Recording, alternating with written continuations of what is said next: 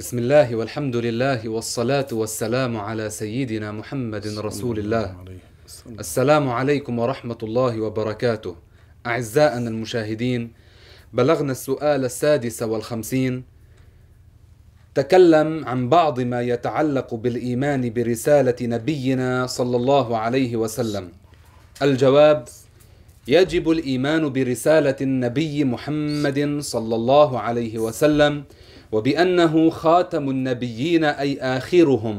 قال تعالى وخاتم النبيين. وقال صلى الله عليه وسلم وختم بي النبيون. رواه مسلم. ويجب الإيمان بأن سيدنا محمدا صلى الله عليه وسلم سيد ولد آدم أجمعين. وهذا متفق عليه عند العلماء. وهو مأخوذ من حديث رواه الترمذي. أنا سيد ولد آدم يوم القيامة ولا فخر. أي لا أقول ذلك افتخارا إنما تحدثا بنعمة الله. القضية الأولى في هذا الجواب أنه صلى الله عليه وسلم هو خاتم النبيين والمرسلين فلا نبي بعده ولا رسول. وهذه المسألة نص عليها القرآن والحديث والإجماع. فمن القرآن ما جاء في قول الله عز وجل ولكن رسول الله وخاتم النبيين هذا نص قرآني. مهما حاول الكفره أن يؤولوا هذه الآية ليثبتوا النبوة لزعيمهم غلام أحمد القادياني فلا دليل لهم ولا ولا متمسك. فلا دليل لهم ولا متمسك. فهؤلاء القاديانية الأحمدية أتباع غلام أحمد القادياني الذي كان في الهند أتباعه حرفوا معنى هذه الآية. هو نفسه حرف معنى هذه الآية. وقال إنه هو نبي ونبوته نبوة ظلية ظلية يعني على زعمه تحت نبوة محمد. وفسروا أيضا قالوا ولكن رسول الله وخاتم النبيين قالوا هنا ليس بمعنى آخر إنما بمعنى الزينة على زعمهم. لكن يقال لهم لو كان زعمتم لو كان كما زعمتم لكن يقال لهم لو كان كما زعمتم فكيف قال صلى الله عليه وسلم غير أنه لا نبي بعدي؟ هو نفسه صلى الله عليه وسلم وهذا في الصحاح والمسانيد قال غير أنه لا نبي بعدي وهذا يفسر الآية. ثم الإجماع الذي أطبقت وأجمعت عليه الأمة من زمن الصحابة وإلى الآن بل إلى قيام الساعة أنه لا يبعث على هذه لهذه الأمة أنه لا يبعث لهذه الأمة نبيا يكون جديدا يأتي برسالة جديدة لا تحت نبوة محمد ولا نبوة مستقلة لوحده بزعمه. كل هذا غير معقول. لماذا غير معقول؟ لأنه يكون خروجا عن القرآن يكون خروجا عن كلام الرسول ويكون تكذيبا للإجماع. اذا انتبهوا معي أجمعت الأمة أن من ادعى النبوة بعد سيدنا محمد صلى الله عليه وسلم أو صدق مدعيها فهو كافر. والعلماء الذين نقلوا الإجماع على نبوة نبينا محمد وأنه خاتم النبيين وعلى تكفير من ادعى النبوة بعده أو ادعاها لغيره يعني هذا الشخص ما ادعاها لنفسه بل ادعى النبوة لشخص الآن في أمة محمد لغير النبي محمد. الإجماع قائم على كفر هؤلاء أي على من أنكر نبوة نبينا أو شك فيها أو ادعى النبوة لنفسه أو ادعى النبوة لغيره بعد نبينا محمد كل هؤلاء كفار بالإجماع. اذا القرآن نص على أنه صلى الله عليه وسلم خاتم النبيين يعني آخر النبيين والمرسلين. والرسول صلى الله عليه وسلم قال لا نبي بعدي غير أنه لا نبي بعدي وقال لا نبي بعدي وهناك أحاديث كثيرة. ثم هنا فائدة ومسألة مهمة أن هؤلاء القاديانية الأحمدية ادعوا النبوة اولا لزعيمهم. الأول ميرزا غلام أحمد القادياني مات هو ماذا كان قال عن نفسه؟ نبوتي نبوة ظلية. مات ماذا حصل؟ ادعوا النبوة لابنه. ابنه مات الآن ادعوا النبوة لحفيده. اذا هم زنادقة. هو وهم يكذبون الله والقرآن والإجماع.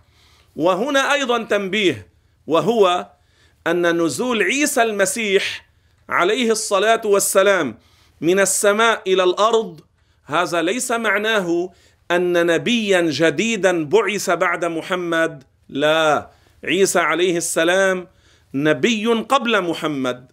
وما زال على قيد الحياة ورفع إلى السماء وسينزل إلى الأرض ويحكم بشريعة محمد صلى الله عليه وسلم.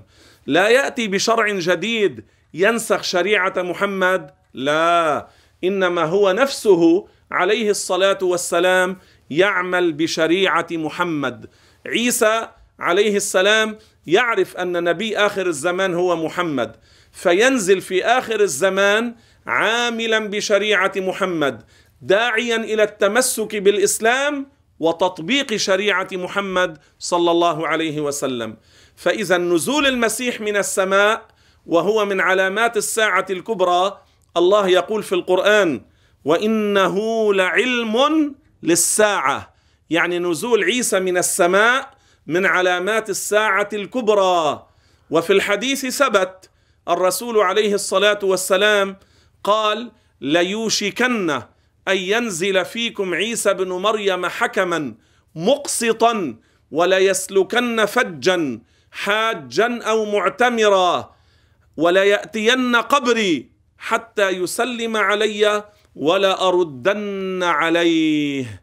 اذا عيسى عليه السلام سينزل إلى الأرض ويدعو إلى الإسلام ويحكم بشريعة محمد صلى الله عليه وسلم ويذهب إلى الحج أو العمرة ويأتي إلى زيارة قبر نبينا محمد عليهما الصلاة والسلام.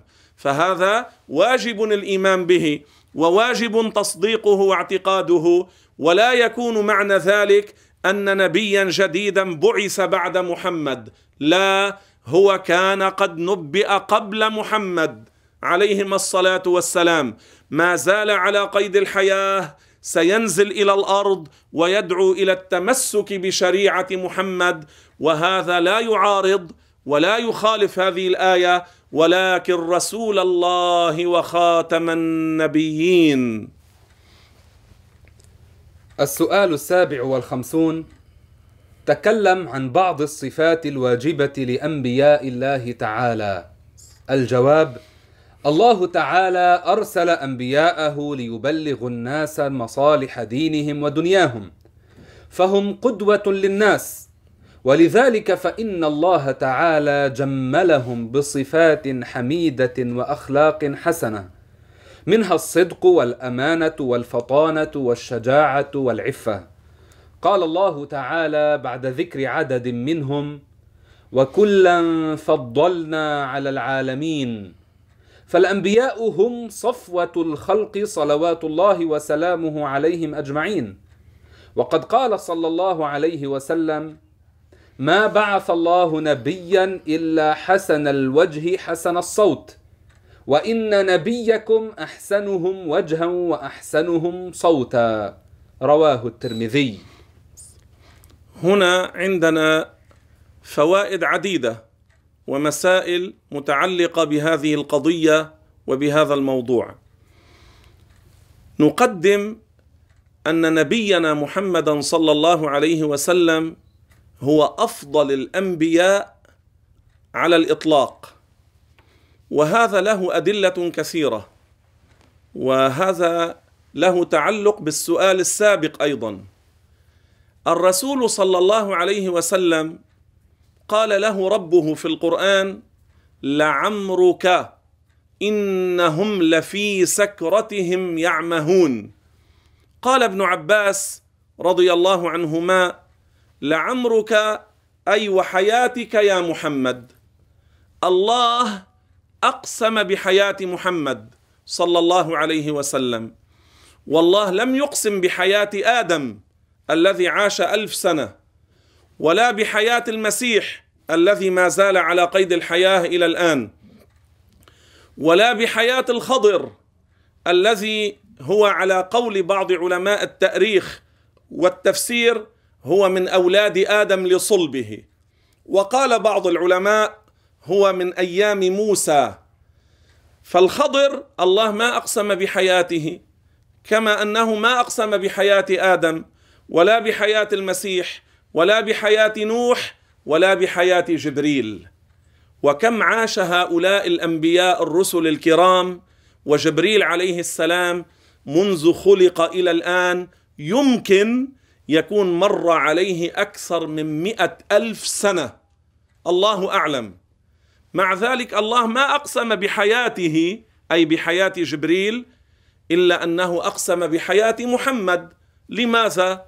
قال العلماء لأنه سبحانه وتعالى أقسم بحياة أحب الخلق إليه. أقسم بحياة أفضل العالمين عنده. أقسم بحياة محمد لأنه أفضل خلق الله على الإطلاق مع أن عمره الشريف صلى الله عليه وسلم كم هو من حيث طول عمر هؤلاء الأنبياء مع ذلك ما أقسم إلا بحياة محمد. لأنه أفضل خلق الله. والله تعالى يقول في القرآن الكريم كنتم خير أمة أخرجت للناس لماذا كانت هذه الأمة خير الأمم وأفضل الأمم بسبب نبيها؟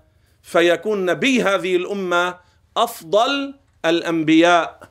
وأيضا فالله سبحانه وتعالى ليلة الإسراء والمعراج أمر جبريل عليه السلام أن يأخذ البراق من الجنة وقال للرسول عليه الصلاة والسلام أن يركب على البراق.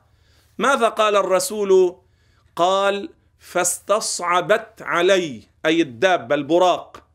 ماذا فعل جبريل؟ قال فأداره بأذن بأذنه. أي البراق. فأداره بأذنه. وقال له للبراق اثبت فوالله ما ركبك أحد. فوالله ما ركبك أحد أكرم على الله من محمد. فثبت البراق فركبه الرسول عليه السلام. فإن قيل فمن ركب البراق قبل محمد فالجواب ما رواه الحافظ الأزرقي أن إبراهيم عليه السلام كان له براق يتنقل عليه بين مكة والشام بين مكة وفلسطين. اذا هذا أيضا دليل على أنه صلى الله عليه وسلم أفضل خلق الله. ثم أيضا أنه لا تفتح له أو ثم أيضا ثم أيضا أن باب الجنة لا يفتح لنبي قبل نبينا محمد صلى الله عليه وسلم. قال عليه الصلاة والسلام إن الله حرم الجنة على الأنبياء قبلي. لماذا؟ لأنه هو أفضل الأنبياء فيكون أول من يدخل الجنة.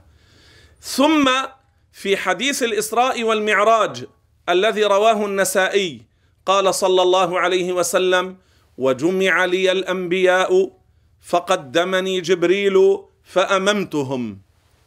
لماذا قدم عليهم؟ وأين في الصلاة؟ في العبادة الطاهرة الزكية. لماذا قدم عليهم؟ لأنه أفضل منهم. قال فقدمني جبريل حتى اممتهم وهذا دليل على أنهم كانوا على الإسلام. كل الأنبياء من آدم إلى عيسى إلى محمد جاءوا بالإسلام وإلا كيف صلوا؟ وإلا كيف صلوا خلفه؟ هو مسلم وهم على الإسلام اقتدوا به. صلوا خلفه. وأيضا ممن نقل الإجماع على أنه صلى الله عليه وسلم أفضل خلق الله على الإطلاق المفسر الشهير الرازي في كتابه التفسير الكبير وذكر أدلة كثيرة وحججا عديدة تدل على أنه أفضل خلق الله بالإجماع. فيجب الإيمان والاعتقاد بأن الأنبياء عليهم الصلاة والسلام هم أفضل خلق الله وهم أعظم خلق الله وهم أطهر خلق الله وأن كل نبي وحده أفضل من كل العالمين مما سوى الأنبياء. قال الإمام الطحاوي رحمه الله ونقول نبي واحد أفضل من جميع الأولياء. لذلك قال العلماء إن من فضل وليا من أولياء البشر على نبي من الأنبياء فهو كافر لأنه كذب الله. قال ربنا في سورة الأنعام وكلا فضلنا على العالمين فالأنبياء من آدم إلى محمد جملهم الله بالصفات الحميدة من الصدق والامانه والطهارة والعفة والشجاعة والنزاهة وتبليغ الرسالة أصواتهم جميلة وجوههم جميلة ليس فيهم منفرات. الله جملهم وكملهم ليكونوا أئمة يدعون الناس إلى الهدى والخير فليس فيهم ما ينفر وهم عليهم الصلاة والسلام. أفضل خلق الله وأكمل خلق الله وأعظم خلق الله وأعلم خلق الله. نفعنا الله بهم وببركاتهم وثبتنا على حبهم. والحمد لله رب العالمين. والسلام عليكم ورحمة الله وبركاته.